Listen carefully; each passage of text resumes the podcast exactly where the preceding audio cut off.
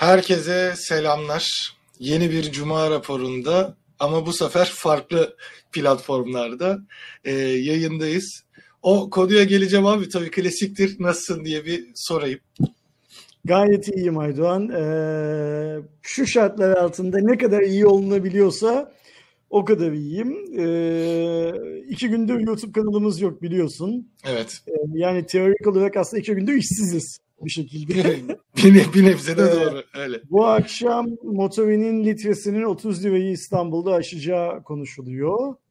Ee, işte şu şartlar altında ne kadar iyi olunabiliyorsa o kadar iyiyim. Sen nasılsın, iyi misin? Ee, ben de iyiyim yani o sıkıntı dışında yani yine aslında e, yoğun da bir haftaydı şu an e, çok fazla şey de vardı hani ürün vesaire de olduğu için yoğundu bir de sıcaklar falan derken üzerine bu eklenince biraz böyle şey oldu yani plansız bir durum oldu. Biz şu anda yorumlarda eskiden canlı yayın yaptığımızda YouTube'da yorumları anlık görebiliyorduk. Şu anda e, bütün platformlarda yapılan yorumları görebiliyor muyuz bilmiyorum. Mesela e, Facebook... Twitter'da yapamıyorlar. Facebook ve Twitch'tekini görebileceğiz. Heh, okey. Facebook'ta ve Twitch'tekileri görüyoruz. Twitter'da yayının altına yaptığınız yorumları gerçek zamanlı olarak şey yapmıyoruz, göremiyoruz. Bilginiz olsun. Hı hı. Ee, o yüzden eğer Twitter'dan herhangi bir şey yazarsanız en iyi ihtimalle yayın bittikten sonra e, görürsek yazılı olarak cevap verebiliriz. Onun dışında e, orada bir aksiyon yaratmamız, iletişim yaratmamız mümkün değil. Aydo ne oldu bir anlatsana. HVP'nin YouTube kanalı nasıl kapandı? Sen şimdi diyeceksin ki benim bir bilgim yok. Ben Kavacık'tan çıktığım zaman kanal vardı. Ümraniye'ye meydan AVM'ye indiğimde arabayı park ettiğimde kanal yoktu diyeceksin. Aslında evet yani hatta e, ben o sırada araç kullanıyordum işte Mediamarkt çekimi yapmaya gitmek için. E, yayın alakalı işte Fatih bir şey söyledi. Ben dalga geçiyor sandım. Sonradan bir baktım evet iş ciddiymiş. Nasıl oldu? Aslında e, salı günü e, akşam saat böyle tam 10'a doğru 10 gibi. E, çünkü şeyden biliyorum. Aynı zamanda bizim diğer bir yayınımız var. Bilmeyen arkadaşlara da söyleyelim. Adventure İstanbul isminde motosiklet e, incelemeleri ve aynı zamanda çok e, farklı videolar da ürettiğimiz bir e, kanalımız var. Orada canlı yayında hediyeler verdiğimiz çekilişi yaparken e, bir anda e, senin de beni uyarmanla bizim kanaldan bir canlı yayın yapıldığını gördük. Bitcoin ile alakalı hatta galiba Elon Musk 60 bin dolar olacağını iddia ettiği şekilde bir canlı Ve yayın yatırımlarını ona göre şekillendirdiğini evet. söylediği. Ee, sonrasında biz hemen yayını durdurduk ve kanaldan sildik. Daha sonrasında hemen önlem olarak e, bizim kanala işte yetkisi olan herkesin yetkileri e, kaldırıldı. Ama bir diğer yandan güvenlik e, kısmında da iki adımlı doğrulamamız aktif. Yani herhangi biri aslında e, HVP hesabına erişmek istediğinde e, bize bir güvenlik önlemi olarak bildirim geliyor. Biz onaylamazsak kimse giremiyor. Daha sonrasında biz bunu sildik. Yani kendi içimizdeki güvenlik önlemlerini de aldıktan sonra şu an için bir problem olmadığını hızlıca çözdüğümüzü diye düşünürken bir sonraki gün çarşamba sabahında da e, Ersin abinin e, Apple fiyatlarının aslında dolar bazında ucuzladığını e, gösterdiği bir video yayına girdi. O girdikten Biraz kendi içinde de olayların tamamıyla dalga geçtiğimiz hani e, fiyatlar yükseliyor diye ağlarken nereden baktığımıza göre değişeceğini filan şey yaptığımız bir videoydu. Ee, o video yayına girdi. Sonrasında işte biz e, yola çıktığımıza göre o video girdikten maksimum yarım saat sonrasında yani. Yarım saat en fazla... video yayına girdikten 4 ya da 5 dakika sonra. Ha, o kadar hızlı. Ee, daha, o sırada da bizim kanalın kapandığını e, görmüş olduk. İşte yetkili olan insanlara işte kapandığına dair, erişimin gittiğine dair mail geldi. Böyle şey, bir süreç oldu. Aydoğan, katıl üyelerine bir mail göndererek kanalın katıl üyeliğini kapattığı bildirildi ilk önce. Ve isterlerse e, ay için geriye kalan günler için paralarını talep edebileceklerini ha, evet. ya da bekleyip e, kanal tekrar e, şeyi katıl üyeliğini aktif hale getirdiği zaman kaldıkları yerden katıl üyeliğine devam Aynen. edebileceklerini söyleyen bir e-mail geldi hepimize. Sonra kanalın e, admini pozisyonundaki mail adresine de e, YouTube politikalarını ihlal ettiği için kanalın kesin bir şekilde kapatıldığı bilgisi bir evet. e-maille bildirildi. Aynen öyle. Yani aslında süreç bu. Ee, temel çapta. E, daha sonrasında işte biz de e, Google Türkiye ile iletişime geçtik ve şu anda e, kanalın e, geri gelmesini umarak e, beklemedeyiz. Ama ne kadar sürer ne olur bilmiyoruz. Sadece daha önce bu tarz konuları e, yaşayan insanlardan ya da onları tanıyan insanlardan duyduğum sürece ortalama 4-5 gün ya da işte bir hafta gibi bir süre sürebileceğini biliyoruz. E, böyle bir durumla karşı karşıya kaldık. O yüzden e, Şimdi- şu anda heh, buyur abi. sen. E, Sen e, lafını kestim kusura bakma. Şimdi burada şöyle bir gerçek var. Bunu göz ardı etmemek lazım. Ee, biz tahmin ediyoruz ki bu bir kesin bir bilgi değil. Bu salı akşamı gerçekleşen aktivite nedeniyle topluluk kurallarını ihlal ettik. Yani bizim dışımızda gerçekleşen aktivite nedeniyle topluluk kurallarını ihlal ettik. Ve sadece o yayını açmadılar. Büyük bir ihtimalle hala hazırdaki bazı videolarımızın açıklama kısmına ya da bazı yorumlarımıza cevap olarak filan o kendilerinin 3 kuruş kazanacakları, 10 sent, 15 sent kazanacakları e, dolandırıcılık linklerini vesaire vesaire bir şeyleri paylaştılar. Öyle varsayıyoruz. Ve bu korsan açılan Elon Musk yayınındaki görüntünün de deepfake ile yapıldığı çok bariz zaten. Yani Elon'un zaten öyle bir açıklaması yok. O da deepfake ile yapılmış bir şey, e, görüntü tahminimce. Evet. O bizim olayı fark ettiğimiz aşama. Onun öncesinde de büyük bir ihtimalle bu sızmayı yapan kişiler bizim sitede bizim sitede diyorum pardon bizim YouTube kanalımızda bazı başka metin bazlı değişiklikler vesaire vesaire de yaptılar diye tahmin ediyoruz. Bu bizim Evet. kendi fikrimiz. Burada önemli olan şey şu. e, Evet biz YouTube politikalarını ihlal eden herhangi bir şey yapmadık. Bu konuda çok eminiz kendimizden. Ama e, YouTube hesabımıza hesabımızın güvenliğini sağlamak bizim sorumluluğumuzda. Tabii ki. Yani bir şekilde e, bizlerden birisinin hesabı çalınmadan bana soracak olursanız kullandığımız cihazlardan bir tanesini eskilerin deyimiyle Truewater, Keylogger filan dediğimiz mantıkla erişerek o sistem üstünden kanalımıza şey yaptılar, eriştiler. Fakat dediğim gibi buradaki şey e, ne derler kusur bizim kusurumuz. Yani. Bunu kabul etmemiz lazım. Bizim kusurumuz yüzünden gerçekleşen veri ihlalinden ya da politika ihlalinden biz sorumlu olmadığımızı düşünüyoruz. Bu anlamda da sağ olsunlar YouTube Türkiye, YouTube Türkiye diye özür Google Türkiye'deki yöneticiler e, bize yol gösteriyorlar ve destek de veriyorlar sağ olsun. Sadece yol gösteriyorlar dersem haklarını da yerim Aydoğan. Çünkü üzerlerine vazife olmayan, kendi yetkileri kapsamında, iş tanımları kapsamında olmayan bir iş için dünden beri mesai harcıyorlar sağ olsunlar. Evet. Ee, ne kadar teşekkür etsek azdır. Yani ne kadar teşekkür etsek. Bu iş nasıl sonuçlanırsa şu sonuçlansın. Ne kadar Evet. teşekkür edersek edelim e, emeklemenin karşılığını şey yapamayız. e, veremeyiz kendilerine.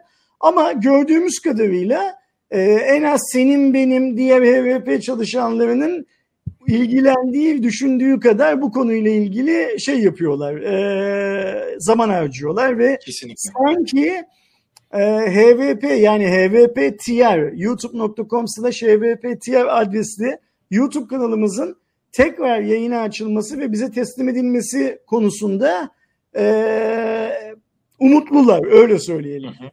E, Kesinlikle. onların umudu tabii ki bizi de şey yapıyor ne derler sevindiriyor motive ediyor.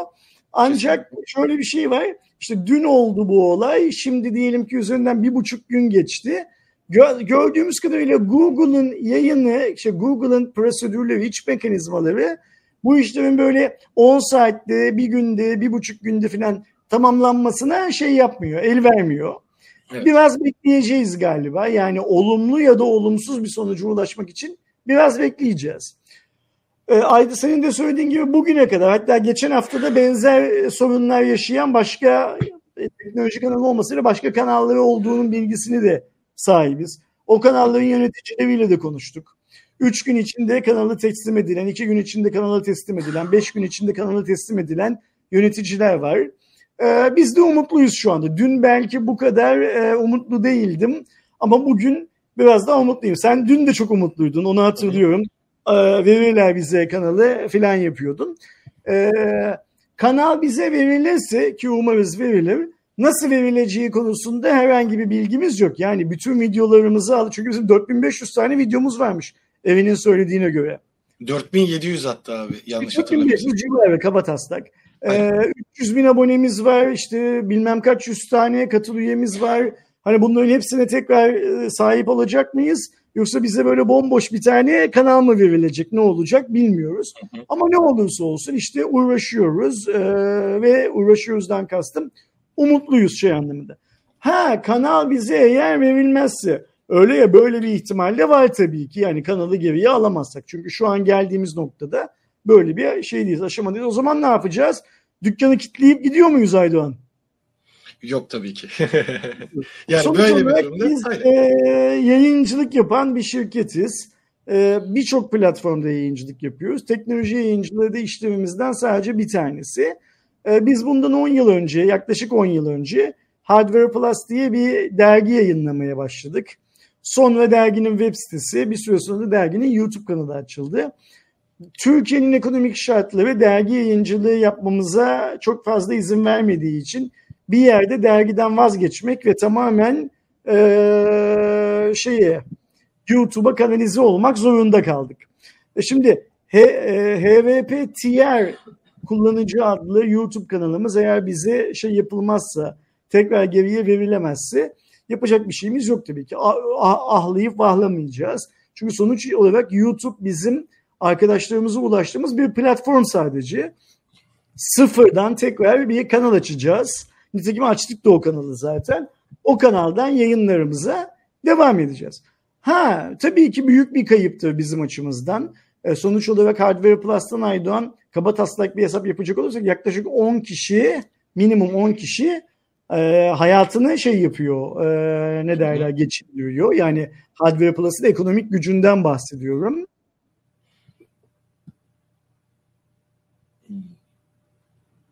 E, bir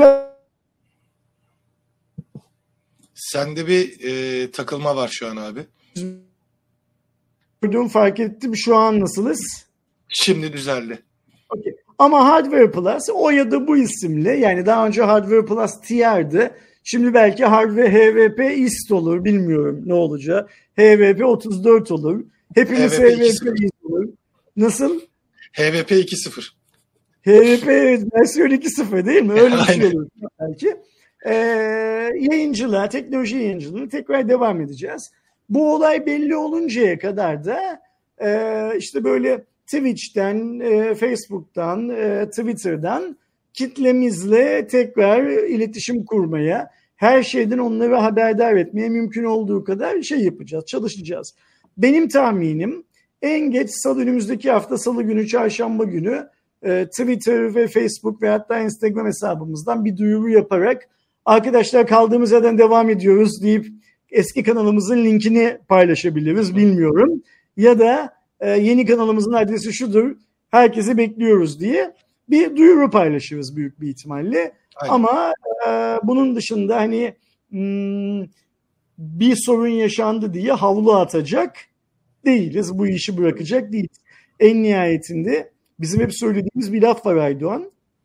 HVP'nin gücü HVP'nin yayın yaptığı platformdan ya da HVP ile e, aralarını iyi tutan markalardan kaynaklanmıyor. HVP'nin gücü bu yayını da izleyen genel anlamdaki bizim sadık dostlarımızdan kaynaklanıyor. Yani e, HVP yanlış gördüğü her şeyi dile getirebilen benim bildiğim kadarıyla Türkiye'deki tek teknoloji kanalı.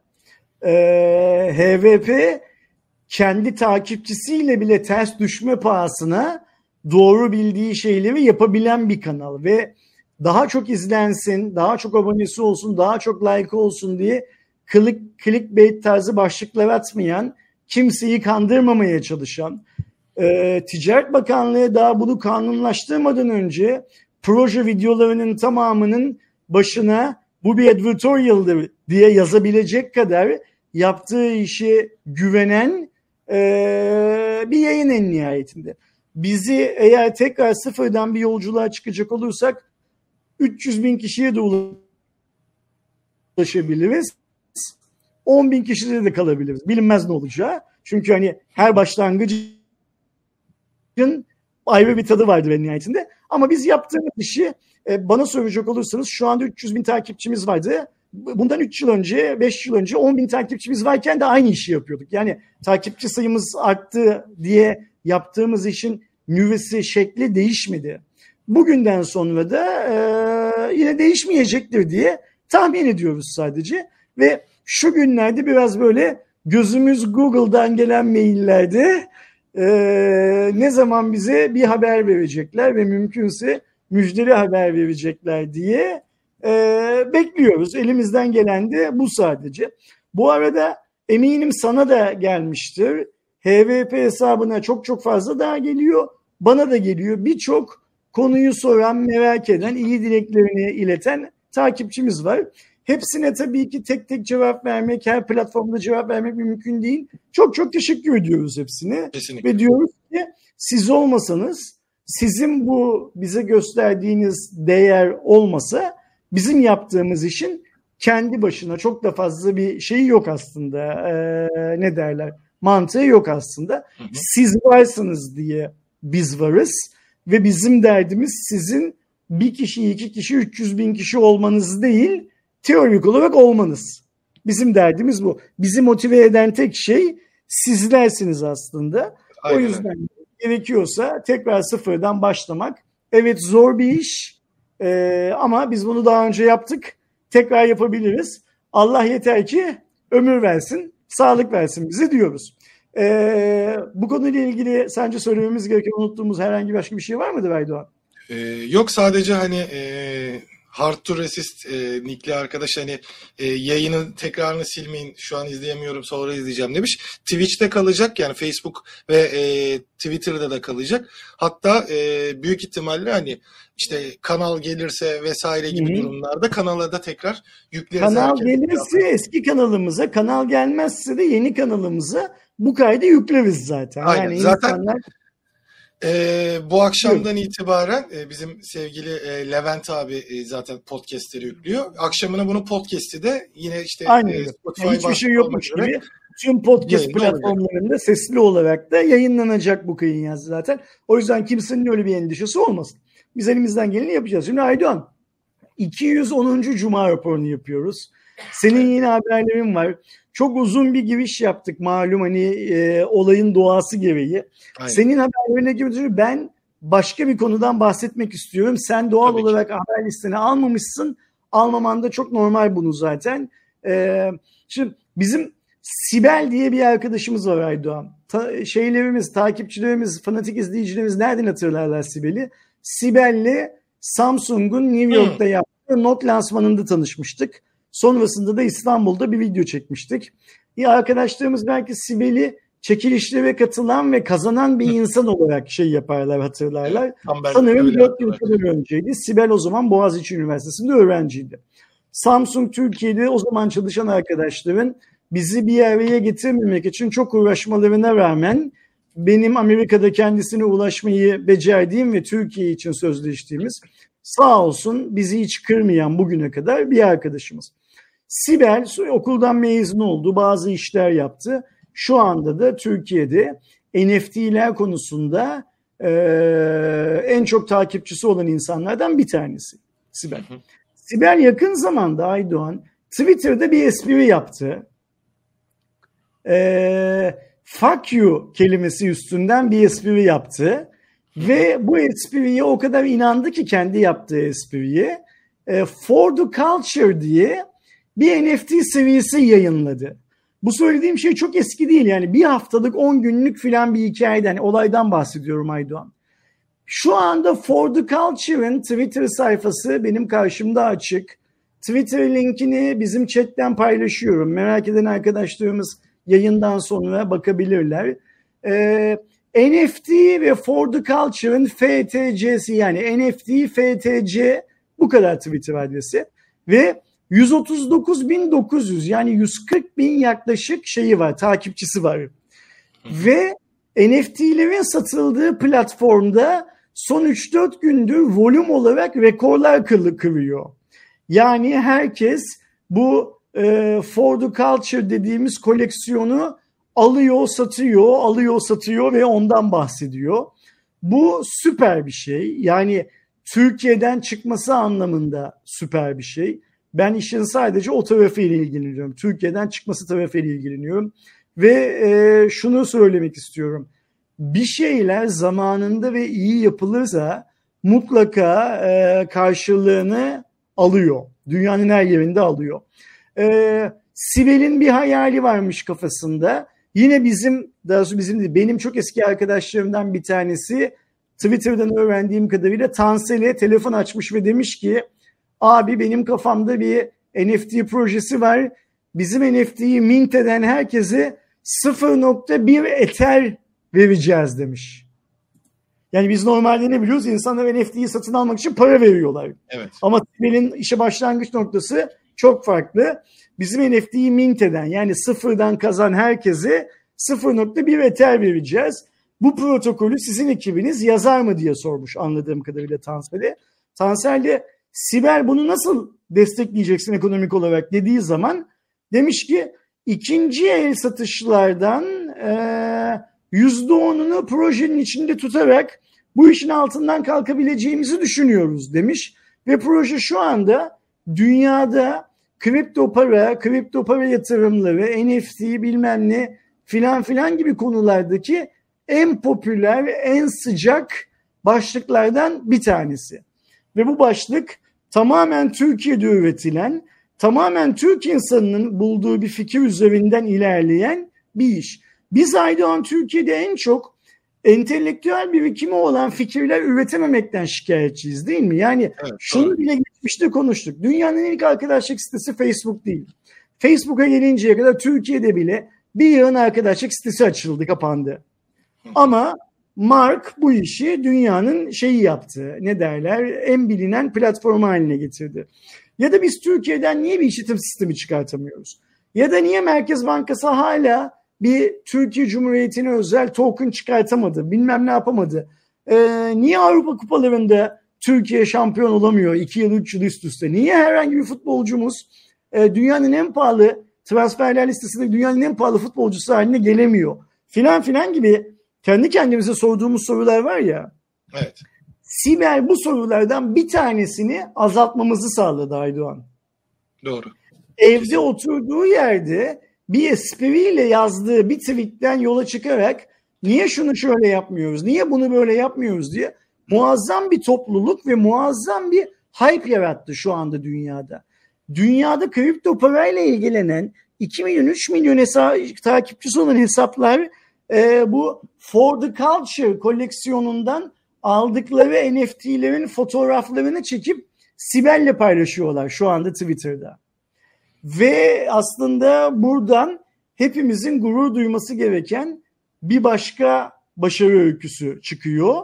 Ee, ve belki bizi izleyen şu anda, belki sonradan izleyecek olan birçok arkadaşımıza da iyi bir fikriniz varsa bu fikri hayata geçirmek için beklemeyin fikri çıkıyor öyle evet. ya da böyle. Çünkü bugünün dünyası gerçekten rüzgarın nereden estiğini çok çok iyi koklayabiliyorsanız yelkenlerinizi tahmin edebileceğinizin çok çok üzerinde rüzgar gücüyle doldurmanıza izin veriyor. En yakın örneği Sibel. Ben tahmin ediyorum ki Sibel bir haftadır doğru düzgün uyuyamıyordur e, heyecandan adrenalin seviyesi düşsün diye sakinleştirici falan bile alıyor olabilir. Çünkü dünyada gerçekleşen kripto pardon dünyada gerçekleşen NFT transferlerinin şu anda büyük bir kısmı e, bu For the Culture koleksiyonunun mint edilmesi, elden ele satılması vesaire vesaire üzerinden gerçekleşiyor ve hmm, milyon dolar bile belki çok komik bir rakam şu anda adını anmak için. Şu ana kadar oluşturulan e, ticaret hacminden bahsediyorum. Hı hı. Lütfen bunu bir Türk kızı yapmış olarak değil e, bazı hayaller nasıl gerçeğe şey yapılabilir, çevrilebilir diye arkadaşlarımız incelesinler. Sibel'i takip etmiyorlarsa bence takip etsinler Twitter'da. Ee, ve olayın nereden nereye nasıl gittiğini anlamaya çalışsınlar. Bu hepimize bugünün dünyasında imkansız diye bir şey olmadığını gösteriyor Aydoğan. Çok doğru. Benim de haberim yoktu mesela bunda. Çok sevindim yani böyle bir durumu. Hepimiz her şeyi bugünün dünyasında yapabilecek güçteyiz. Bu gücümüzü iyi kullanmak tamamen bizim elimizde. Ee, evet. Sibel'i kendisine telefon açıp ya da WhatsApp'tan bir şeyler yazıp tebrik etmedim. Buradan tebrik ediyorum yaptığı iş için. Umuyorum ki çok çok para kazansın. Hayallerinin üstünde paralar kazansın. Ve umuyorum ki e, süper bir başarılar zincirinin ilk halkalarını biz görüyor olalım. Bundan 5 yıl sonra 10 yıl sonra da e, Türkiye'de kurulan bir tane şirketi biz unicorn olarak sattıkla değil Sibel gibi insanların yaptığı için içinde entelektüel birikimi de olan işlerimizle vatandaşlarımızın kazandığı parayı görerek onunla gurur duyalım. Yani kas gücüyle para kazanmak günümüzde artık ucuz bir yöntem. Naim Süleymanoğlu bile olsanız ağırlığınızın 10 misli kadar altın bile kaldırsanız kazanabileceğiniz para belli çünkü dünyada kas gücüyle. Önemli olan şey e, entelektüel birikiminizle, e, becerilerinizle yeni bir şey ortaya çıkartıp o yeni şeyden para kazanmak ve Sibel bir Türk kızı olan Sibel e, gururla söylüyorum bazılarımızın hiç sevmediği karşı olduğu Boğaziçi Üniversitesi'nden mezun olan Sibel süper bir iş çıkartıyor. Kendisini tebrik ediyorum ve umuyorum ki birçok Türk kadınına, birçok birçok Türk çocuğuna Sibel'in yaptıkları örnek olsun. Şimdi gel e, senin şeylerine, gündeminle esas Cuma raporumuza e, 27. dakikada başlayalım Aydoğan. başlayalım abi. E, ilk haberimiz Realme kanadından. Aslında biliyorsunuz Türkiye'de GT2 Neo e, modeli ya da GT Neo 2 e, modeli satışa yeni çıktı. E, ama e, yurt dışında GT Neo 3'ten sonra GT Neo 3T modeli de piyasaya çıkmış oldu. Baktığımızda 6,62 inçlik e, AMOLED bir ekranı var. Yine Full HD Plus çözünürlüklü 120 Hz tazeleme hızı sunuyor. Snapdragon 870 var ki bu GT Neo 2'de de e, aynı işlemci var. Yani onun da altını çizeyim. 8 GB RAM, 128 ve 256 GB depolama. Tabii ki Android 12 tabanlı Realme UI 3 var. Ee, arkada 64, 8 ve 2 megapiksellik üçlü. Önde 16 megapiksellik bir kameramız. 5000 miliamperi de 80 wattla şarj ediyor. E, tabii ki Wi-Fi 6, Bluetooth 5.2, e, 5G desteği olmayan artık cihaz pek kalmadı. E, bir diğer yandan NFC desteği de mevcut ve 8,6 e, 65 mm inceliğinde ve 194,5 gram ağırlığında. Tasarımı Neo 3'e çok benziyor ama bu birazcık daha hani fiyat performansa çekilen bir şey. Yani aslında Xiaomi'nin T'sini daha doğrusu Poco'larda gördüğümüz özellikle e, T e, şeyini Realme'de kendini alıp 828'ini e, Çin'deki fiyatlandırmaya göre 470 8256'sını da 510 dolara denk gelecek şekilde satışa sundu. Okey söylenecek çok fazla bir şey yok. Biz böyle durumlarda hep ne diyoruz Aydoğan? Türkiye'yi bir gelsin de bakalım diyoruz öyle değil mi? Aynen aynen. Sadece hani Realme'nin şu şeyi birazcık kırması lazım. Yani aslında Realme'nin değil BBK grubunun var böyle bir durumu. Türkiye'de de çıksa onun yeni versiyonu e, globale ya da şeye yani, çıkmış oluyor. Onu söyleyecektim. Biz daha 2'ye değil Neo, şey, Neo 2'yi e, yeni şey yaparken e, Türkiye'de satışa çıkartırken adamlar dünyada bir üst cihazı satmaya başlıyorlar. Yani şimdi işte GT 2 Pro'nun e, kıyaslamaları gelecek. E, GT2 Pro daha Türkiye'de resmi olarak satışa çıkmadı. Aslında e, bu aylarda bekleniyordu. Büyük ihtimalle bu Haziran ayı içerisinde e, net bir şekilde piyasaya çıktığını göreceğiz ama yakın zamanda da e, globalde 3. yani GT 3 Pro versiyonu falan görme ihtimalimiz var. Umarım bu biraz, bu durum birazcık da değişir. Çünkü şey tarafına baktığımızda genel olarak Çinli üreticilerde böyle bir durum var diye düşünüyorum. Xiaomi dışında. Çünkü Realme, Vivo, Oppo bunu yapıyor. E, Huawei'de teknik açıdan hani P50 Pro geçen sene içinde çıktığı için e, öyle bir durum var. Diğer cihazlarında olmasa da e, ben birazcık daha her ne kadar fiyatları yüksek olsa da hani üst seviye cihazların özellikle Türkiye'de sürekli piyasada olmasını ve işte e, insanların en azından o teknolojiyi görmek ya da satın alma noktasında rahat rahat tercihi olmasını isterim. Yani şu anda piyasada e, çünkü çok fazla şey yok. Hani Xiaomi 12'yi getirdi. Samsung'un S22 ailesi var. iPhone'un 13'ü var. Bunun dışında güncel diyebileceğimiz bir cihaz olmaması açısından yani bu güncellik takip edilirse daha hoş olur tabii ki. Ayda ofiste kendi aramızda sık sık konuştuğumuz bir şeyi yüksek sesle burada da söyleyelim. Evet. Türkiye'de de amiral gemisi satmayan marka istemiyoruz biz. Fiyatı evet. ne olursa olsun bütün markalar Türkiye'de amiral gemisi modellerini getirmeliler. Az getirir, numunelik getirir filan ve bunların tamamını satışa çıkarmaları lazım. Bizim bir fiyat görmemiz lazım. O cihazların Türkiye'de satılıyor olduğunu insanların biliyor olması lazım. Yoksa ben sadece e, şey yapayım, e, orta segment cihaz satayım, giriş segment cihaz satayımla Türkiye pazarına eylemek hiçbir markanın e, şeyi değil, e, gücünün yetebileceği bir şey değil. Eğer Xiaomi, Çinli markalardan bahsediyorsak Xiaomi getiriyorsa modellerinin çoğunu Türkiye'ye ki şu ana kadar neredeyse 2022 yılında eksiksiz gidiyor Xiaomi. Yani globalde çıkarttığı her şey neredeyse Türkiye'de var şu anda. Şu an 3 tane amiral ee, gemisi var mesela piyasada. O, o zaman diğerleri de getirecekler Erdoğan. Yani evet. ben Renault 5 Lite satayım, ben Realme 8 satayım, ben işte Teknopova satayım, ben e, şunu yapayım, bunu yapayımla e, bu iş olmaz. Herkes amiral gemisi cihazlarını getirecek, bir fiyat belirleyecek ve Türkiye'de satacak. Bence de. Bizim beklentimiz bu yönde. Ya olması gereken de kesinlikle bu. Hani sadece e, tamam şu anda e, stratejik açısından düşündüğümüzde yani Türkiye'ye satmayacak telefonu getirmek istemeyebilir marka ama en azından varlığını hissettirmesi için bunu çünkü çok önceden de görüyorduk yani. İşte sallıyorum o dönem için Sony'nin cihazları pahalıydı, HTC'nin pahalıydı ve o dönemde de mesela pahalı cihazda insanlar Apple'a yönelse bile HTC getiriyordu. U serisini daha önceki e, M9, M8 dediğimiz One serisini getiriyordu. E, Sony'de Xperia'nın hani hem premiumunu hem o düz olan ikisine bir diyebileceğimiz ortasını bir de kompağını da getiriyordu.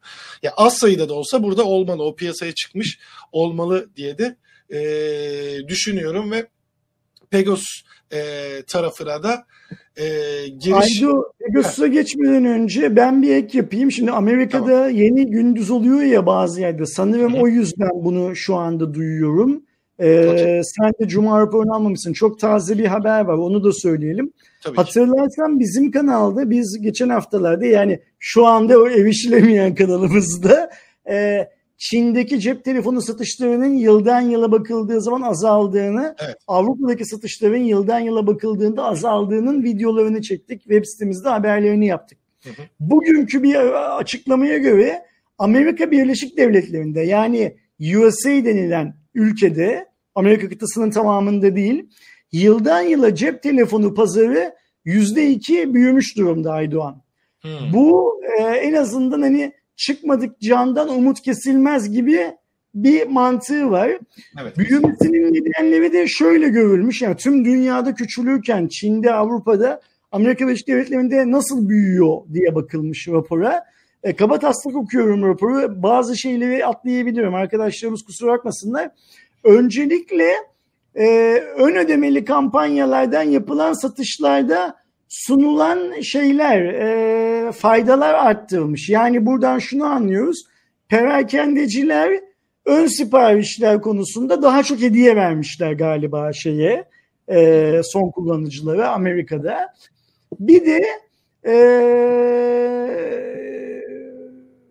GSM şirketleri hani bizim hatla beraber satın alınma olarak isimlendirdiğimiz Türkiye'den sistemde onlar da yeni cihaza geçmeyi kolaylaştırmışlar. Şeyi anlamadım tam olarak. Yani e, fatura süresini mi uzattılar, ne yaptılar kısmını. Ha, eskiye getir, yeniye götür tarzı bir şey yapmışlar anladığım kadarıyla. Hı?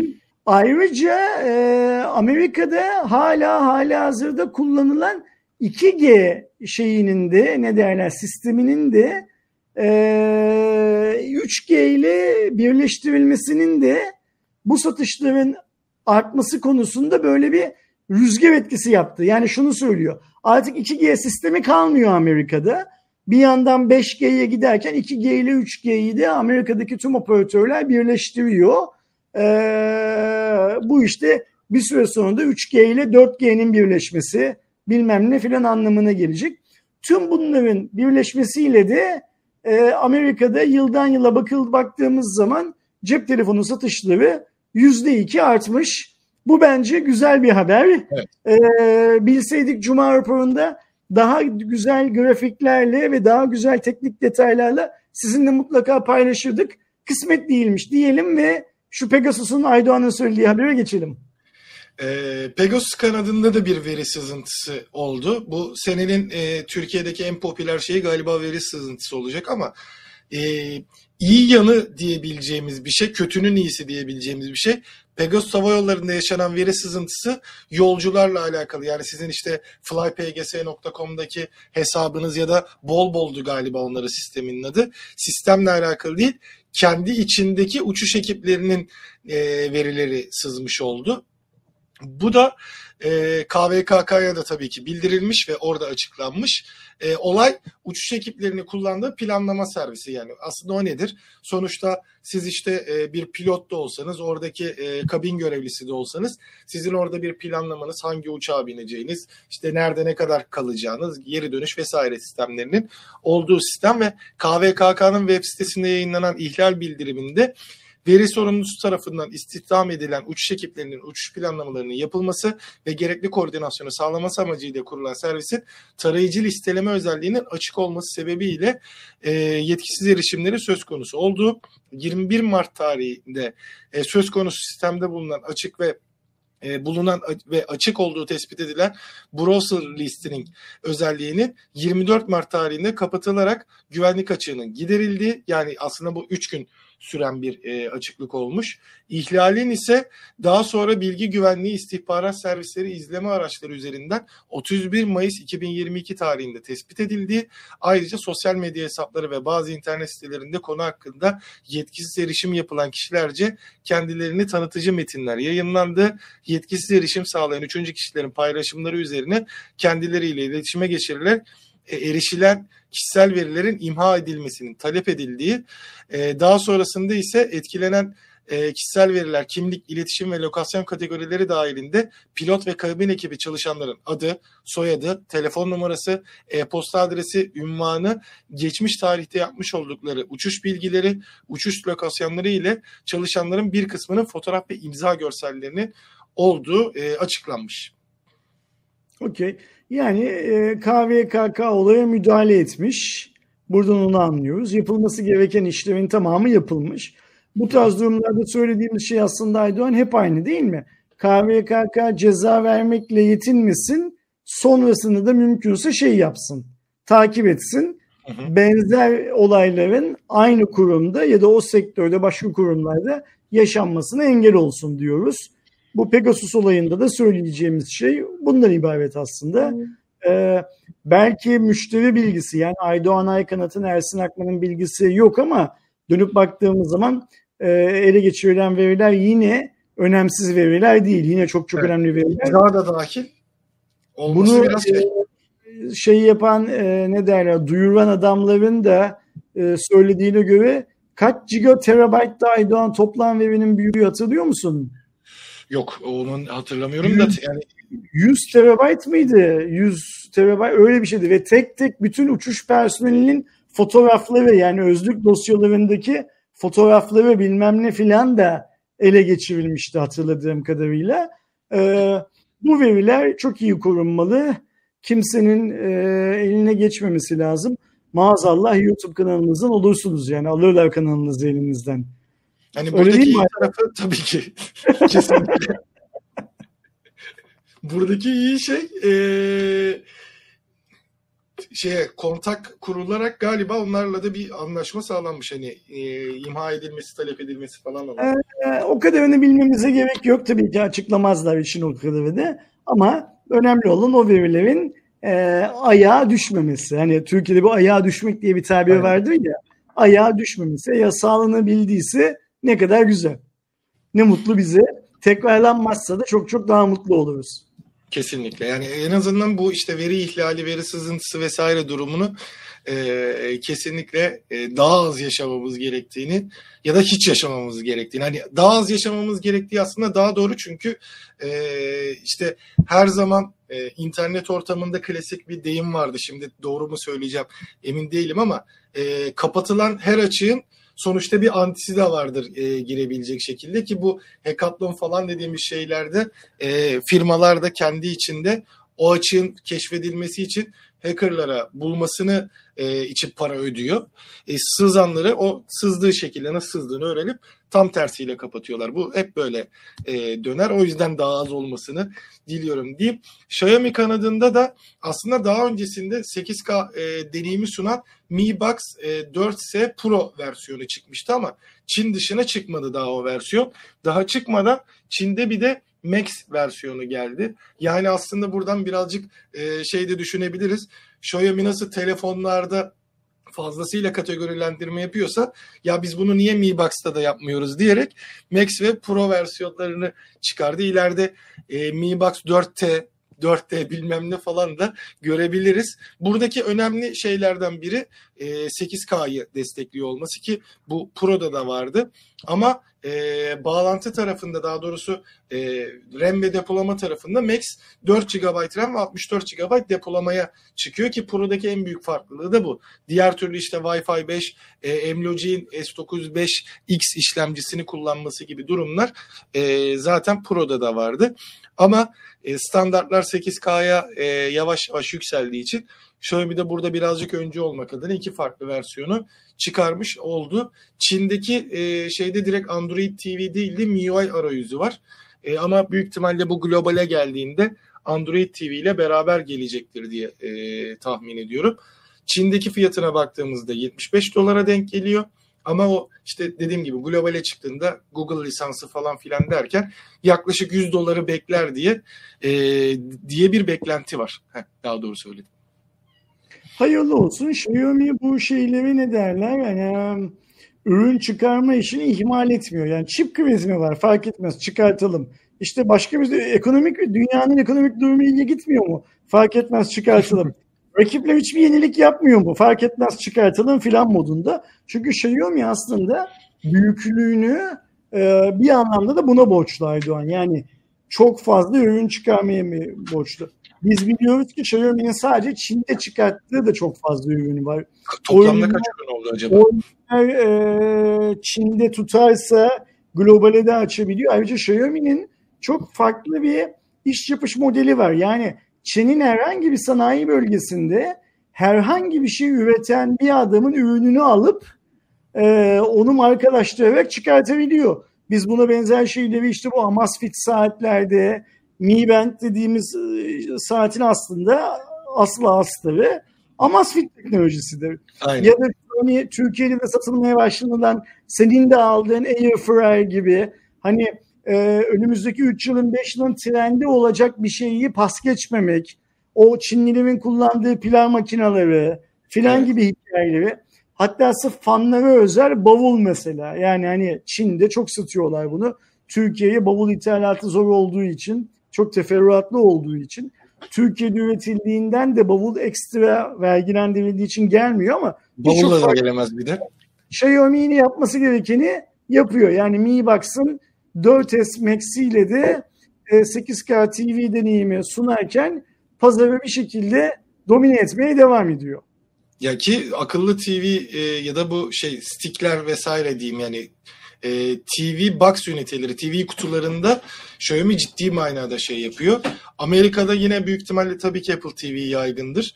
Ama e, Avrupa'da falan e, zaten artık şey olsa da yani televizyonlarda hali hazırda bir akıllı sistem olsa da e, çok iyi bir şekilde orada yürütüyor ki rakibi dediğim gibi bir Apple var ama onun sistemi farklı. Diğer türlü başka markalardan buna giren de neredeyse hiç olmadı. Galiba Realme'nin var bir e, Realme'nin var alanında. haklısın.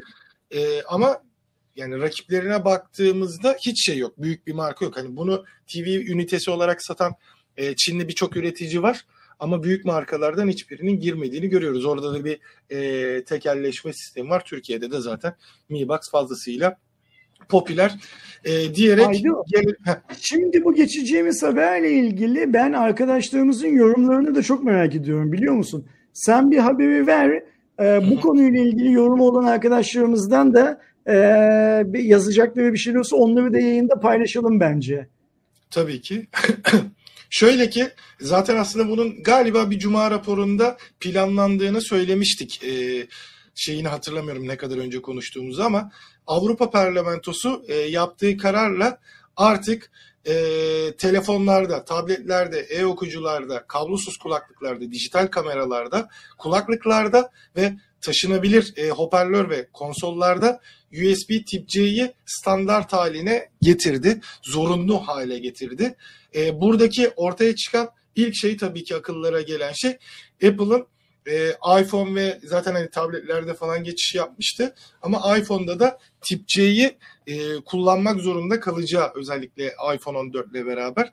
E, bu diğer yanda tip C'yi barındırmanın e, iyi tarafı da var. E, kafa karıştıran tarafı da var. Hani iyi tarafı zaten aslında biz fark etmesek de işte akıllı telefonlarda artık micro USB'yi çok az görüyoruz. E, bir diğer yandan e, işte laptopların çoğunda zaten micro USB ama şey e, tip C standart haline geliyor. Tip A'yı bırakmaya başladılar hatta. E, burada da standart haline gelerek direkt olarak e, her cihazda tip C bağlantısı olmak zorunluluğuna geçiş yapılıyor. Ee, bu tabii ki e, cep telefonu fiyatlarının zaten şu anda hani orta segmentte falan da hepsinin Type-C olduğu için çok fazla Ee, artmasına... bir saniye abi. Güzel bir şey söyleyeyim. Kanal geldi. Öyle mi? HVPTR çalışıyor şu anda. Süper. Ee, bunu da böylece canlı yayında ben de hemen Aynen. açtım Aydan. Evet kanalımız geldi arkadaşlar. Tüm videolarımız şu anda yok gördüğüm kadarıyla. Hatta çok eski videolarımız var Canlı şeyde. yayınla oyunu görüyorum şu anda. Okey tamam. Kanalımız tekrar geldi. Bir yıl Ee, öncesinden gelmeye başladı. Süper. Ee, ne yapalım? Cuma raporuna oradan mı devam edelim şimdi? Geçmiş olsun Aydo. Ee, yayının başında teşekkür ettiğimiz gibi Google Türkiye'de çalışan yöneticilere tek tek bir kez daha teşekkür edelim. Ee, ben tahmin ediyorum ki ben şu anda yeni videolar yok bilmem ne filan dedim ama e, geçmişte de kanalı bu şekilde kaybeden arkadaşlar şunu söylemişlerdi. İlk geldiğinde kanalınız büyük bir ihtimalle birçok videonuz liste dışı olacak, gizli olacak ve o videoların bir kısmı Ee, zamanla şey olacak. Şu an toparladı bile. Senin yayınlanan son video dışında geldi. Öyle mi? Okey tamam yani bir, bir iki gün içinde her şey rayına oturacak. Thumbnail'ler eksik olabilir, açıklamalar, e, description'lar eksik olabilir. Hatta bazı videolarda yorumlar eksik olabilir. Ama bir iki gün içerisinde tamamı e, şey yapacak, e, yerine ulaşacak denmişti bize. E, biz yaklaşık 40 saattir e, boncuk boncuk ter döküyoruz. Hani başka bir tanımlama yapacağım ama onu yapmayalım. Terden anlatalım durumu. E, eksikleri de kendimiz gideririz artık bundan sonra. Herhangi bir e, eksiğimiz varsa e, ne mutlu bizi. Canlı yayını kapatıyor muyuz? Artık girmişken tabii Cuma raporuna burada devam ederiz ama yapıyoruz. Cuma raporuna buradan devam edelim. E, iki şey söyleyeceğim Aydoğan. Bunlardan bir tanesi biraz önce e, The Chosen One nickli arkadaşımız. Kim olduğunu bilmiyorum. E, benim bu e, Pegasus haberinde yaptığım ironiyi anlamış. Çok sağ olsun. Teşekkür ediyorum. Sercan da yeni kanal adını duruma göre mi duyuracaksınız acaba diye sormuş. Sercan Toker. Arkadaşlar biz bu yaşadığımız o 40 saatlik filan süreçte e, kendi aramızda çok düşündük, çok konuştuk. E, tabii ki yayının başında bir 15-20 dakikada size anlattık durumu ama biz bundan sonra benzer bir olayın gerçekleşmemesi için alabileceğimiz önlemlerin, aklımıza gelen önlemler, önlemlerin fazlasıyla almaktan yanayız ve o yüzden bu yeni kanal vesaire vesaire gibi şeyler konusunda lütfen kulağınız HVP'de olsun ve eğer takip etmiyorsanız HVP'nin sosyal medya hesaplarını mutlaka takip edin. Çünkü e, hemen önümüzdeki hafta başından başlayarak büyük bir ihtimalle e, yayınlarımızı çeşitlendirmek gibi bir şeye sahip olacağız, opsiyona sahip olacağız. Ve böylece e, sadece yay, video yayıncılığı anlamında değil, sosyal medya anlamında vesaire vesaire de herhangi bir engelle, herhangi bir zorlukla karşılaştığımız zaman doğrudan sizlere ulaşabileceğimiz birçok farklı alternatif yöntem şey yapacağız, geliştireceğiz. E, o yüzden hani bu kanal adını duruma göre mi duyuracaksınız? Yok hayır duruma göre falan duyurmayacağız. Zaten bizim bir tane e, yüks, maksimum teknoloji diye bir e, stajyer pozisyonundaki arkadaşlarımız için açtığımız bir tane kanal vardı. O kanalın adını HVP Türk olarak değiştirmiştik dün. Ve eğer HVP TR kapanırsa kanalımızı yayına alamazsak HVP Türk'ten e, şeye devam edecektik. Yayınlarımıza devam edecektik. Şimdi yine adı HVP Türk olan bu kanalımızdan yayınlara bir şekilde devam edeceğiz. Lütfen e, sosyal medya hesaplarımızı takip edin. Bizden gelecek olan duyuruları şey yapın, e, ne derler, e, dikkat edin diyelim. Bu arada e, şey diyor ki e, Sercan tüm videolar duruyor abi diyor. Çok Eyvallah. geldi şu an. Şey, Bir başka geldi. Moçoğlu Kaan'da katıl üyeliği de aktif hale geldi diyor. Demek ki bir e-mail falan da geldi şeyden herhalde. Bende de şu an Ee, ayrıcalıkları Evet bana da bir e-mail gelmiş. Ben de aynı zamanda bir katıl üyesi olduğum için bana da bir e-mail gelmiş. Ne zaman gelmiş e-mail? Bakalım. Ee, o 20.17'de gelmiş. Yani 6 dakika önce katıl üyeliğimiz. Demek ki 6 dakika önce açıldı Şu an- kanal. Ee, bir de şey de oluyor onu da söyleyelim. Bazı insanlara farklı farklı e, bildirimler de gitmiş. İşte bir yıl öncenin videosunun bildirimi giden de olmuş. Son Okey. videoya giden de olmuş. Şu an için bir toparlama şeyi yani. Ee, bu arada sektörden arkadaşlar da kanalın açıldığını bana haber versinler diye WhatsApp'tan yazıyorlar, telefonla Bana arıyorlar. şey. Aynen. Ee, hani e, sağ olsunlar. Ee, şu anda da Huawei Türkiye'den bir arkadaşımız arıyor. Kaan değil merak etmeyin. Hani Kaan olsa açardım zaten şeyde e, yayında. Ee, süper. Bu Type-C haberimize geriye dönelim Aydoğan. Ee, bu tabii ki şunu söylemeye çalışıyordum. Cep telefonlarında zaten standart haline geldi bir şekilde. Orada bir fiyat artışına neden olmayacak. Ancak kulaklık vesaire vesaire tarafında bu geçiş e, büyük bir ihtimalle bir fiyat artışına neden olacak e, ürünlerin şey tarafında. E, belki Avrupa topluluğu gibi ekonomik anlamda daha güçlü ülkeleri barındıran coğrafyalarda e, bunun bir etkisini görmeyeceğiz ama e, Türkiye gibi bundan 8 ay önce mazotun 9 lira bu gece 30 lira olduğu bir ülkede e, bir yıl önceye göre dolar kurunun yüzde yüzden fazla arttığı bir ülkede bunlar bir şey olarak maliyet olarak karşımıza çıkacak. Ancak şunu da unutmamak lazım. Dünya er ya da geç e, Type-C'ye mutlaka geçecek. Ya Type-C standart haline gelecek. Ve Aydoğan sana bir şey söyleyeyim mi? Bir süre sonra dünyada en çok satılan aparat e, Type-C dönüştürücüler olacak biliyor musun? Ee, evet çok büyük ihtimalle böyle bir Yani mesela benim evde sen biliyorsun birçok kulaklığım, kulak üstü, birçok Bluetooth hoparlörüm bilmem ne falan var ve bunların %95'i e, Type-C desteklemiyor. Evet ya mesela bende bir tane 1 terabaytlık taşınabilir hard disk var. Yıllar önce aldığım için e, Type-C değil. E, şey de olacak tabii ki. Şu an mesela kafamda düşünüyorum işte otomobiller bu işi ilk ciddiye alanlardı. Yanlış hatırlamıyorsam. Çünkü Type-C e, birazcık yaygınlaştığı anda yeni nesil araçların özellikle üst seviye araçların hepsinde tip A yerine tip C bağlantısı vardı ve ben bunu kendi içimde eleştiriyordum. Daha o kadar standart değilken niye böyle bir durum var diye. Ama bu süreçten sonra artık işte anakartlarda da sadece tip C bağlantısını göreceğiz. Ee, televizyonlarda mesela ben daha hiç tip C çıkışı görmedim. Ee, hepsinde tip A var USB destekli olanlarda. Hı hı. bunlar olacak ama güzel tarafı şey tabii ki e, tek bir bağlantı yani elinde bir tip C'den tip C'ye kablo olacak. Her cihazda kullanabilecek olman çok çok iyi e, o dönüştürücüler vesaire standartında da şöyle bir durum var. HDMI'dan ziyade DisplayPort kullanımının arttığını biliyoruz mesela. Ve DisplayPort da Type-C'yi destekliyor. E, Apple'ın daha çok kullandığı Thunderbolt dediğimiz bağlantı da tip C üzerinden çalışıyor. Böyle bir durumda baktığımızda aslında kolaylık açısından çok çok güzel olacak. Çünkü dediğim gibi yani senin elinde yüksek wattlı e, bir tane şarj aleti olsun. E, bir tane tip C'den tip C'ye kablo olsun. Bütün cihazlarınla şarj ediliyorsun. Onunla şarj et, görüntü aktarman gerekiyorsa onunla aktar. E, işte herhangi bir veri aktarman gerekiyorsa onunla aktar.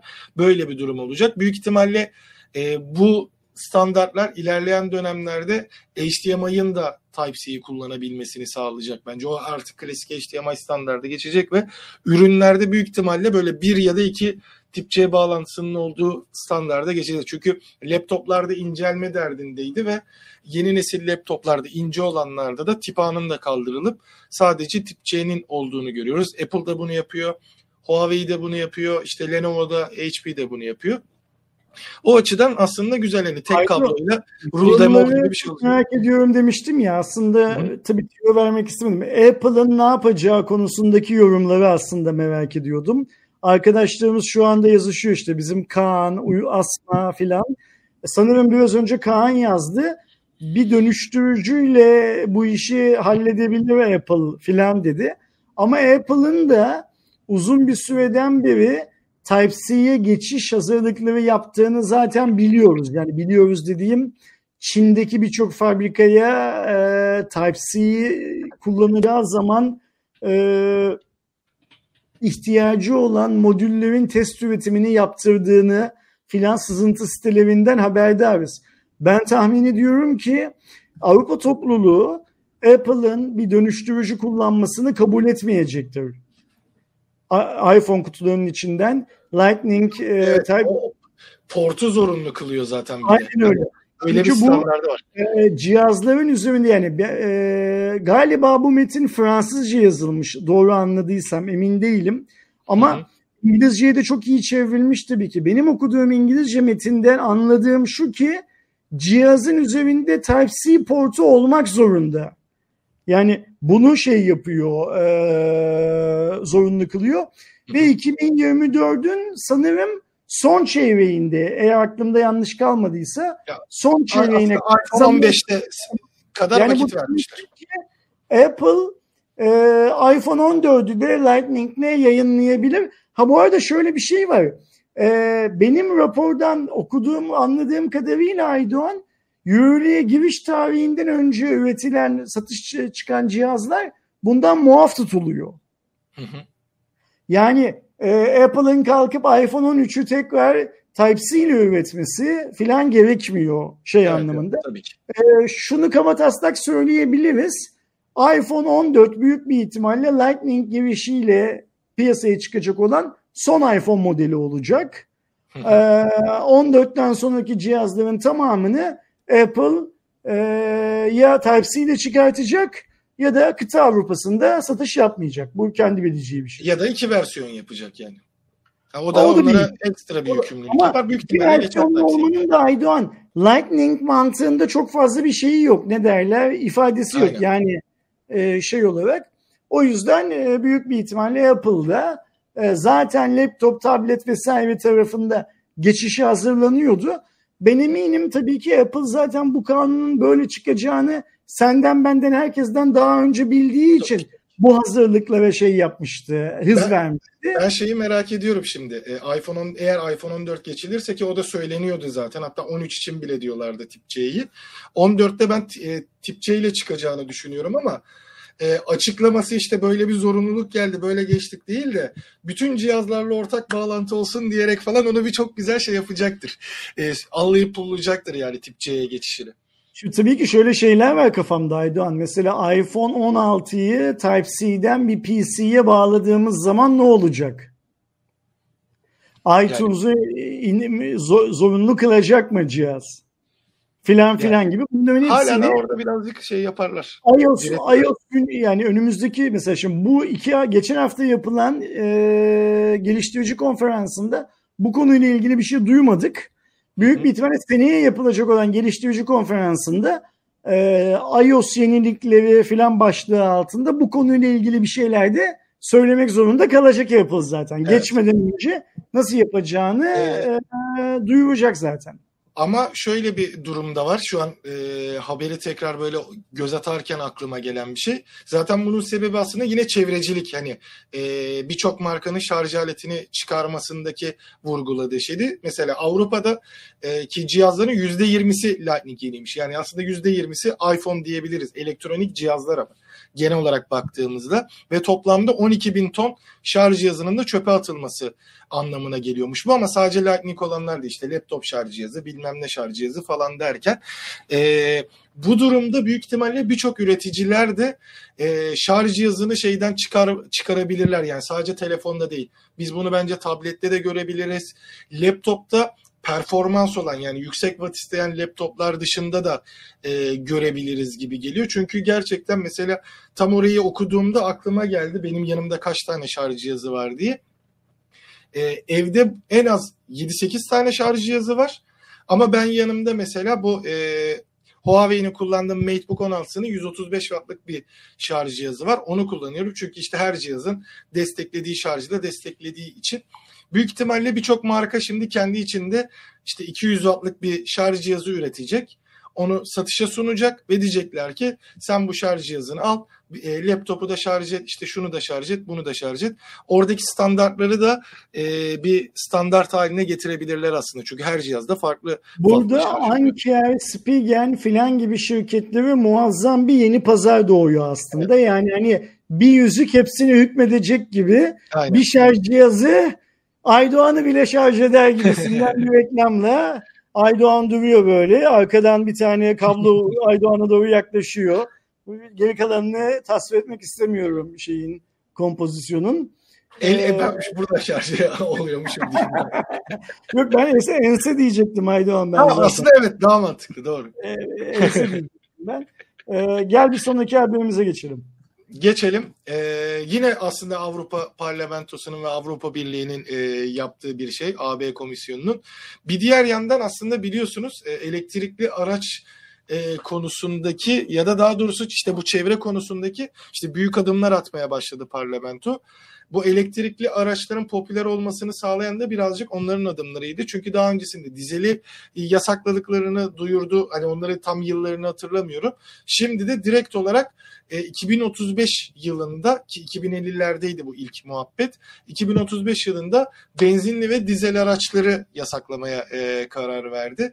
Tabii ki bu yasaklamak şey değil işte benzinli dizel araç Avrupa'da yer almayacak değil satış konusundaki yasaklama 2035'ten itibaren Avrupa Birliği sınırları içerisinde hiçbir otomobil üreticisi ne benzinli ne e, elektrikli diyorum pardon dizelin satışını e, yapamayacak. Kullanım tabii ki bir sürede sonra devam edecek ama zaten şu anda da galiba Paris'te vardı. Bir iki e, şeyde de yakın gelecekte dizel araçların girmesi, işte benzinli araçların girmesi belli böyle bölgelere yasaklanmaya başlamıştı. E, burada da bir öyle e, durum var. Yani kaba taslak bir 15 yılda hani artık kullanılan araçların e, tedavülden kalkmasını düşünürsek gerçekten 2050'lerden sonra içten yanmalı bir e, araç görmeyebiliriz belli başlı e, spor organizasyonları dışında ki aslında Formula 1 işte diğer spor organizasyonlarında da e, hibrit e, sisteme geçildi. Orada da e, biyoyakıt e, zorunluluğu gitgide artıyor. Yani benim tahminim 2050'lerden sonra hiçbir yerde artık böyle şey olmayacak. E, motor seçeneğinde elektrikli ya da diğer e, şeyler dahil olur mu? Bu doğalgaz vesaire gibi çözümler de var. Belki onlar da dahil olabilir ama şey kalmayacak gibi duruyor içten yanmalı otomobil kalmayacak. Zaten Aydoğan yani bu BMW, Mercedes, ve hatta işte Opel'leri falan da o işin içine katacak olursak hani Avrupa topluluğundan bahsettiğimiz için şey e, Avrupalı markaları söylemeye çalışıyorum. Bunlar zaten çok uzunca bir zamandan beri e, dizeli nasıl keseriz, dizel üretimini nasıl azaltırız, elimizdeki stokları bitirelim mi yoksa e, yan sanayiye mi kaydıralım filan filan gibi çözümlerin peşindeydiler. çip krizi nedeniyle artan talep biraz olsun bu stokların eritilmesinde markalara şey oldu ne derler yardımcı oldu. Ama şunu biliyoruz ki özellikle Alman markaları e, peşi sıra bundan bir, bir yıl önce ya kadar dizel üretimini durdurduklarını ya da şu tarihte durduracaklarını açıklamışlardı zaten. Onlar da o işi durduk yere yapmıyorlar. Onlar da topluluğun böyle bir e, düzenlemeye gideceğini bildikleri için Aynen. kendileri önceden pozisyon alıyorlar aslında. Çünkü Bu, bunu Buyur abi sen devam et. Kesmiş. Yok benim de aklıma şey geldi. Bu tarz şeyde hani e, yine bu e, planlamayı bilerek mi ya da e, onların farklı bir öncülük kafası var. Volvo da e, bu şeyi yapmıştı. Şu an zaten hibrit olmayan versiyonu kalmadı. Yani işin içinde bir elektrik var. Önümüzdeki seneden bir çok kısa süre sonra da tamamıyla elektrikliye dönüyor mesela bütün modellerinde. Şimdi biz Avrupa'nın dibinde olduğumuz için e, Avrupa topluluğundaki hikayeleri konuşuyoruz ama dönüp bakacak olursak Japonya'da da bu konuda muazzam işler yapılıyor. Yani sadece Toyota değil, e, sadece Suzuki değil, sadece Honda değil, Japonya'da da muazzam bir bu e, fosil yakıtlardan e, otomobil şirketlerinin uzaklaşma çabası söz konusu. Yani dünyanın her yerinde aslında üç aşağı beş yukarı aynı şeyler, e, hareketler yapılıyor.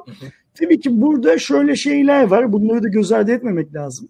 E, meğer Cuma raporunu yapıyoruz. Bunu da söyleyelim. Bir başka görüşte dizel yakıtların çevresel anlamda dünyaya verdiği zarardan daha fazla zararı e, kullanım ömrü biten pillerin dünyaya vereceğinden yana. Bunu da unutmamak lazım. Yani hani böyle bir geceden gündüze kirli havadan temiz havaya geçiyoruz formu çizilse de karşımızda nasıl bir döneme gireceğimizin çok farkında olmadığımız bir döneme de ya da evet. çok bilincinde olmadığımız bir döneme de giriyor. Ayrıca şu da bir gerçek ki sadece Türkiye'de değil dünyanın birçok ülkesinde elektrik üretmek için hala doğalgaz ve karbon tabanlı diğer madenler yakılıyor. Yani sizin aracınızı elektrikle şarj ediyor olmanız tek başına e, şey yapmıyor. E, sizi çevreci, dünyayı daha temiz bir hale getirmiyor. Ne yazık ki yaşayıp göreceğimiz e, yeni bir e, ne diyorlardı? Yeni normal. Yeni bir normale doğru yelken açıyoruz. Öyle değil mi Aydoğan? Kesinlikle. Ama yani bu birazcık hani şey de var işte e, amaç sadece e, petrol devlerine e, şey olduğu işte çevrecilik e, kisvesi altında yapıldığına dair çok da şey var. Hani ben e, biraz o konuyu merak ettiğim için araştırdığımda iki farklı görüş var ve iki farklı görüşün de çok mantıklı e, argümanları var. Senin dediğin gibi karşı olanların yani pilin üretimi, atığı e, vesaire baktığımızda bir de araçlardaki e, işte menzil durumu da çok e, tartışılıyor. Aslında şey baktığımızda e, içten yanmalı motorlu araçların menzili daha uzun diye bir durum yok. Sadece 10 saniyede kazandığın menzille e, bu e, elektrikli araçların e, kazanabileceği menzil yani 10 saniyede hiçbir menzil kazanamıyorlar ki şu an akıllı telefonlarda da şeyi görüyoruz ya da e, küçük bataryalı ürünlerde diyeyim laptoplarda falan da geçerli. Hızlı şarjda bunu kapatmaya çalışıyorlar. E, ama şöyle bir durum var e, ne kadar hızlı şarj edersen o kadar ısınma sorunun, e, pilin o dayanma sorunu şeyi var. Bunu da işte lityum iyon değil de farklı pil teknolojileriyle çözülmeye çalışıyor ama onlar daha sadece test aşamasında. Hani ciddi bir lityum iyon ya da lityum polimer pire e, rakip olabilecek daha verimli ya da işte daha çevreci bir pil de çıkmadı. E, bu durumda nasıl bir durum olacak? O gerçekten e, merak edilen bir konu. E, tabii ki daha güzel bir şey e, elektrikli araçların olması falan ama bakalım nasıl bir durum olacak. Hani bir de e, Türkiye'deki gençler olarak galiba biz otomobil alana kadar işte içten yanmalı araç alamayacağız yani. Böyle giderse bu fiyatlar. O da ayrı bir işin e, konusu diyelim ve gelelim. Biz Türkiye'de yanmışız ağlayanımız yok Aydoğan boş ver. Aynen. Aynen yani Avrupa kendi içinde konuşuyor yani. Belki o zaman işte bir tane Şahin alırız. Ama o zaman da trafiğe çıkmaya izin vermezler. işte şeyden geçmez. Muayeneden geçmez işten yanmalı bu diye. Ee, biliyorsunuz bu Twitter'la Elon Musk arasında e, birçok bir git gel durumu var işte. Satın alma durumu var. E, satın almadı ama Elon Musk daha önceki cuma raporlarında e, konuştuğumuz şekilde diyordu ki ya sizde çok bot hesap var. Benim verdiğim paranın karşılığını etmiyor. Ya bunu düzenleyin falan filan gibi bir e, atar gider yapmıştı e, İlan abimiz. Onun da alakalı da Twitter aslında birazcık bir yani tamam abi moduna geçmiş oldu. E, günlük 500 milyon gönderilin hangi cihazdan ne zaman ve hangi hesaplardan atıldığı ile geniş kapsamlı bir e, büyük veri paketini 24 firmaya belirli bir ücret karşılığında sunuyormuş. E, bu verilerin de reklam ve istatistik olarak kullanılıyormuş. E, Elon Musk ise bot hesapları sosyal ağda ne kadar ağırlıkta olduğunu anlamakta e, ısrarcı. Twitter'ın da bu konuda aslında birazcık daha net bir e, veriyi ona sunacağını özetleyebilirim e, bu goy goy için. Yani Musk tabii ki e, ya şimdi şöyle bir hikaye var. Twitter'ın Musk satın almasından geriye dönme şansı yok artık. Musk da bunu çok çok iyi biliyor. Yani Musk da e, şirketin yüzde yüzüne sahip hale gelmeden şirketin e, sahibi oldu. Yani etki alanını genişletti. O yüzden şu an Twitter yönetimin yönetim kurulu başkanı, CEO'su her şeyi Twitter kendisine babasından kalmış gibi davranabiliyor. Ve e, ne söylese yönetim kurulu onu yapmak zorunda. Çünkü şu saatten sonra hayır e, maske şirketi satmıyoruz deme şansları yok. E, mask almak için yan çiziyor olabilir mi? Sanmıyorum. Mask bir iş adamı malın değerini düşürmeden en ucuzunu almanın yollarını arıyor şu anda. E, ve gördüğümüz kadarıyla da e, bunda başarılı oluyor. E, benim tek üzüldüğüm şey şu Aydoğan. Hmm, biz yıllarca Jack'in e, Mark'la kıyasladığımız zaman çok delikanlı bir adam olduğunu düşündük. Ama şu an geldiğimiz noktada Jack bana hiç eskisi kadar sağlam bir pabuç gibi görünmüyor. Evet yani, yani birazcık e, o da çakallık yapmış. Aynı öyle. İşlerin bu aşamaya geleceğini tabii ki biliyordu. Bunu ispatlayamayız ama böyle olduğu gerçek ve bundan bir yıl önce CEO'luk görevini bıraktı. Bir süre önce Twitter'daki tüm görevlerinden ve yönetim kurulu üyeliğinden feragat etti filan. Kendisiyle Alan'ın çakışmaması için çok güzel bir plan yapmışlar değil mi? Takvim belirlemişler. Ee, önce kurucu şirketten ayrıldı. Sonra da yönetim kurulu şirketi Elon Musk'a sattı gibi bir form oluştu. Ama işte e, bir gün bunun da Netflix'te belgeseli çekilirse oturup ulan senin de diye başlayacağımız cümleler büyük bir ihtimalle kuracağız öyle görünüyor. Kesinlikle. Direkt diğer habere geçiyorum. Biraz önce tip C'den e, bahsettik. E, bir de aslında benim katıldığım bir durumda Microsoft da e, 2023'ten e, sonrasında e, hard disk e, yani HDD dediğimiz e, hard diskleri geride bırakabilir. E, bunu nasıl öğreniyoruz? Aslında Trend Focus'ta paylaşılan habere göre Microsoft birazcık gizli kapılar ardında e, bilgisayar üreticilerine özellikle OMPC üreticilerine e, 2023'ten sonra hard disk kullanmayın artık sadece SSD kullanın diye birazcık e, zorladı ama bunun bir ihtimal 2024'de de kalabileceği söylentiler arasında. Bunu e, açıkçası destekliyorum. Sadece şöyle bir durumu var. Hard diskler çok daha büyük depolama alanına sahip olabiliyorlar. E, burada bir e, dezavantajı var ama anladığım kadarıyla işte artık yavaşlık falan problemini aşmak istiyor Windows'taki Microsoft'ta ve bunu SSD ile yapabileceğini daha önce zaten Intel'le şeyi yaptılar. Ee, teknolojinin adı aklıma gelmedi. Ee, onu birazcık böyle ön bellek gibi kullanıp işte Windows'un hızlı açılmasını sağlayan bir şey vardı. Sistem Optane, Optane. Optane, okey Optane. E, Optane'le falan çözmeye çalıştılar. Ama böyle bir e, kapalı, kapılar ardında zorlaması var. HDD'den SSD'ye geçişti. Enerji tüketimi de önemli. Onu da unutmamak lazım. Çünkü HDD dediğimiz şeyde mekanik bir kod olduğu için enerji tüketimi her halükarda fazla. Ee, daha fazla daha doğrusu SSD'ye göre. Ve bazında da daha fazla şey var. içinde enerji tüketimi de çok çok önemli. Ee, onun da bir etkisi var. Bunu da unutmamak lazım. Bir de şöyle bir durum da var. Onu da unutmayalım Aydoğan. Dünya tarihinde ilk kez HDD fiyatları ile SSD fiyatları bu kadar birbirlerine yakın hale geldiler. Evet. Yani arada yine bir fark var ama o farkı hatırlarsan bundan 3 yıl önce 4 yıl önce muazzam bir uçurumken şu anda çip krizine vesaire vesaire rağmen en yakın noktasında büyük bir ihtimalle Microsoft'ta şeyi öngörüyor. Çip krizinin biteceğini, SSD üretimindeki şeylerin de engellerin de ortadan kaldırılacağını yani shortage anlamında, kısıt anlamındaki engellerin de ortadan kalkacağını öngörüyor ve böyle bir şimdilik çağrıda bulunuyor. Büyük bir ihtimalle o da bir yıl sonra iki yıl sonra kalkıp e, tüm üreticilere bunu zorunlu olarak şey yapacak. E, bir yönerge olarak getirecek.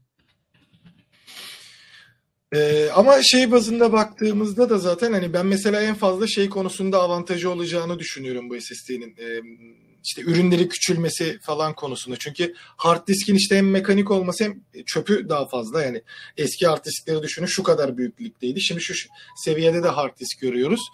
Ama SSD dediğimiz şey bir parmak kadar bir forma bile büründü. Bu açıdan önemli bir avantajı var diyelim. Uzun süredir konuşmadığımız BioNTech'le alakalı e, güzel bir gelişme var.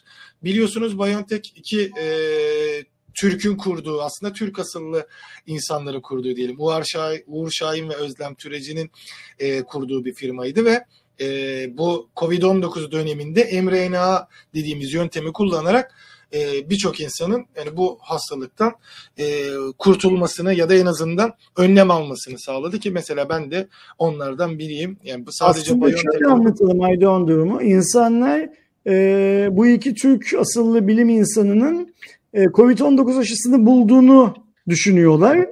Hayır onlar Covid-19 aşısını bulmadılar. Onlar Aydoğan'ın söylediği bu mRNA denilen teknikle aşı üretiminin önünü aşabilecekleri evet.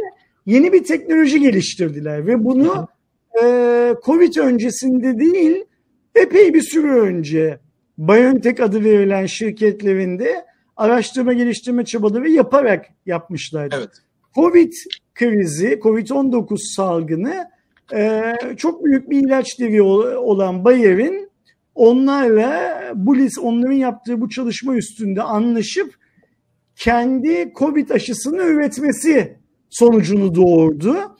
Ancak tüm dünya e, bu mRNA tekniğiyle geliştirilen aşı nedeniyle e, şeyin önünde, ilaç şirketinin önünde değil, teknolojiye yatırım yapan, araştırma geliştirme çalışmaları yapan BioNTech'in e, şeyinde ne derler e, vizyonunda alkış tuttu.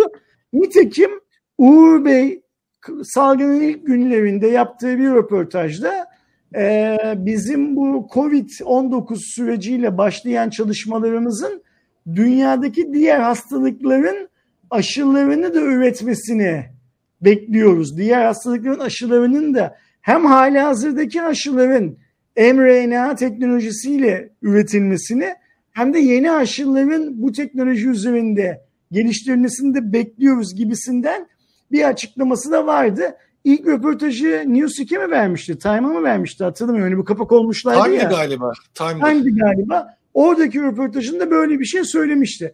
Şimdi Covid gündemimizden büyük bir hızla çıkarken sırf Türkiye'nin değil bütün dünyanın gündeminden büyük bir hızla çıkarken Uğur Hoca ve Özlem Hanım yeni başka bir haberle karşımızdalar. Evet. Yeni haberde bu sefer kanser için ve özellikle pankreas kanseri için e, mRNA teknolojisiyle geliştirilen aşının e, iyi bir oranda e, önleyici olduğunu e, bahsediyorlar. Hatta e, tüm ka- pankreas kanser vakalarının %90'ında PDAC dediğimiz pankreas duktal adeno e, karsinom şeklinde görüldüğü e, bilgisi verilmiş ve bununla alakalı da yapılan çalışmalarda 16 hastaya 9 doz aşı denemesi yapılmış. E, aşıdan önce bu hastalarda kanserin temizlenmesi için de bir ameliyat yapılmış. O da e, belirtilmiş. 72 saat sonra tümör örnekleri damardan verilen kişi, kişileş, e, kişiselleştirilmiş aşıları formüle etmek için e, BioNTech'e gönderilmiş ve daha sonrasında 16 hastada ciddi seviyede bir bağışık yani hepsinde bir ciddi seviyede bağışıklık oldu. 16 hastanın 8'inin de yani %50 oranında da tamamen kanserin yok olduğu e, bilgisi verilmiş. E, yani olması gerekenler e, şey yapılıyor. Olması gereken süreçler işliyor. Aslında buradan onu anlıyoruz şeyde.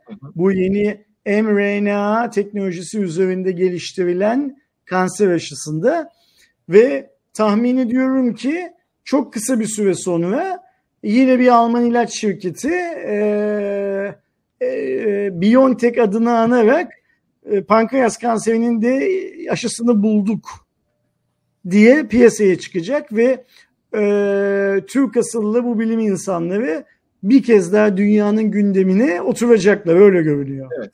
E, işin bir e, diğer tarafı da yani madalyonun diğer yüzüne baktığımızda da e, şu anda etkili olmayan 8 hastanın 6'sında da e, aradan geçen e, bir yıl sonrasında e, kanserlerin tekrar hani vücudunda etkili olduğu hani hepsinde bir etkili kısmı vardı.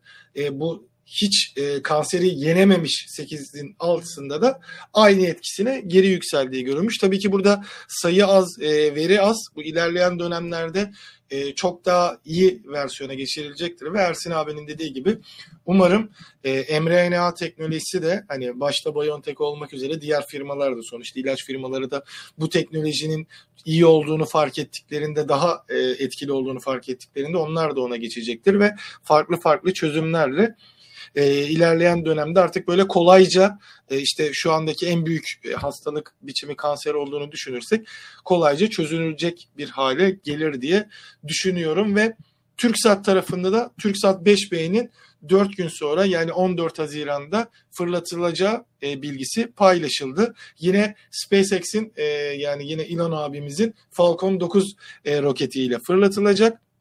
Florida'da yani Amerika'da Cape e, Canaveral Canaveral e, üstünden e, fırlatıldıktan sonra artık yenisi e, fırlatılıyor e, olacak. 5B'nin e, ne olacağını söylersek aslında özellikle havacılık denizcilik... Gel, bana faydası ne onu söyle. e, havacılık, denizcilik ve e, bu tarz sektörlerde aslında şey olacak. Bir, bizim kullanıcılara e, şeyde değil de karasal altyapının e, erişmeyen yerlerinde de daha geniş bir internet altyapısı kullanılmasında kullanılacak ama bu şu anda öncü olan tarafı bildiğim kadarıyla e, diğer sistemler olduğunu da söyleyeyim. Özellikle Ayrıca bu. tam olarak aktif bir şekilde bu uydu kullanılmaya başlandığı zaman da Türkiye sınırları dışında kalan Basra Körfezi, Kızıldeniz, Akdeniz'in kuzeyi, Doğu Afrika, Nijerya, Güney Afrika vesaire gibi bölgelerde de hizmet verebilecek. Evet. Bu da demektir ki e, bu uydumuzdan e, hükümetimizin, Türkiye Devleti'nin e, kiralama yöntemiyle ya da o bu saydığım bölgelere hizmet vererek para kazanması da söz konusu olacak. Evet, Bu e, duymak istediğimiz, görmek istediğimiz süper bir şey zaten. Ben kendim not alırken e, başta fırlatılıyor deyince anlatımımda bir şey oldu da zaten fırlatılaran 14 Haziran'da etkin hale geliyor yani. E, şey oluyor oradaki bilgiyi de düzeltmiş olayım. E, bunu direkt şeye geçiyorum abi sıradaki. Son haberimize geçiyorum. Son haberimize geçiyorum zaten. E, HTC'nin biliyorsunuz daha öncesinde bir e, kendince farklı farklı telefon denemeleri vardı. Şimdi de Metaverse evrenine e, girelim demiş. Daha önce blockchain için Exodus One vardı. Exodus. E, e, şimdi de biliyorsunuz e, Vive isimli bir kendi platformu var. E, ve Metaverse'de Vive'ı birleştirerek HTC Viveverse adında bir telefon gelecek ve Metaverse odaklı bir telefon olacak bu. Özellikle e, arttırılmış gerçeklik ve kendi iç, zaten kendi uzmanlık alanı da diyebileceğimiz HD'nin e, sanal gerçeklik olanında e, bir cihaz olacağı söyleniyor. 28 Haziran'da göreceğiz bu e, cihazı ve geleceğe giriş adıyla şey yaptılar ama ne bir e, donanım bazında ne bir şey bazında şu an için bir bilgi yok. Viverse diye bir telefonu geliyor. Tahminim benim ne yönde derseniz e, büyük ihtimalle yine o eski işte Samsung'larda gördüğümüz Oculus'la beraber yaptığı telefonu bence bir VR gözlük gibi kullanabilme e, avantajı olacaktır ama onun dışında ne gibi şeyler olur? Belki kendileri bir platform kullanır bir app üzerinden telefondan falan şey olabiliyor ama bunların hepsini bir yaklaşık iki hafta sonra göreceğiz. HTC yeniden o hani biraz önce yayının başında Sibel'den bahsederken e, bir hype yaratırsınız, rüz- yelkenleriniz rüzgarla dolar falan dedim ya. Aynen. HTC tekrar bir hype peşinde koşuyor. Blockchain'le bir telefon yaptı. O hype'ı yakalayamadı. Şimdi de Metaverse çok şey popüler olduğu için böyle bir şey yapıyor. O hype'ı tekrar yakalayabilmek için. Bence e, başarılı olma ihtimali yok. HTC gibi bir markanın bugünün cep telefonu pazarında e, ne şu an hali hazırda sattığı telefonlarla ne de işte böyle kripto telefonu, metaverse telefonu filan gibi telefonlarla başarılı olma şansı yok. Biz bunu bir tane Cuma raporunda söyledik diye sonradan HTC'ci olan Türkiye'de HTC'yi satmaya çalışan adamlar bize çok kızmışlardı ama HTC o treni kaçırdı artık. HTC Evet. cep telefonu endüstrisinde, cep telefonu sektöründe yer yok. Bu kadar basit. Bunu kim söylüyor? Ee, ben söylüyorum. Ee, ben söylediğim için doğru olmak zorunda mı? Hayır değil. Söylerken de içten içe kan ağlayarak söylüyorum çünkü. Şu günün dünyasında HTC ne yaparsa yapsın eski popülaritesine kavuşma şansı yok. Bu kadar basit. Evet. LG ne yaparsa yapsın yeniden bir G5 çıkarma şansı yok. Bu kadar basit. Yani bu gemiler o limanlardan çoktan kalkıp gittiler ya da Twitter'daki deyimiyle o güzel insanlar o atlara binip çoktan gittiler diye ifade edebiliriz. HTC e, kendince büyük bir ihtimalle şirketin kalan kısmını da Aydoğan satabilmek için kendini değerli göstermek adına bir şeyler yapıyor. Ama e, dünya ekonomisi buna el vermiyor. Dünyanın her yerinde fiyatlar yükselirken, ekonomi kötüye giderken HTC'yi satın alacak bir tane kapitalin çıkabileceğini de çok düşünmüyorum açıkça söylemek gerekirse. E, onlar böyle top gezdirmeye devam etsinler. Şimdi Cuma raporumuz bitti değil mi Aydoğan? Evet. Okey.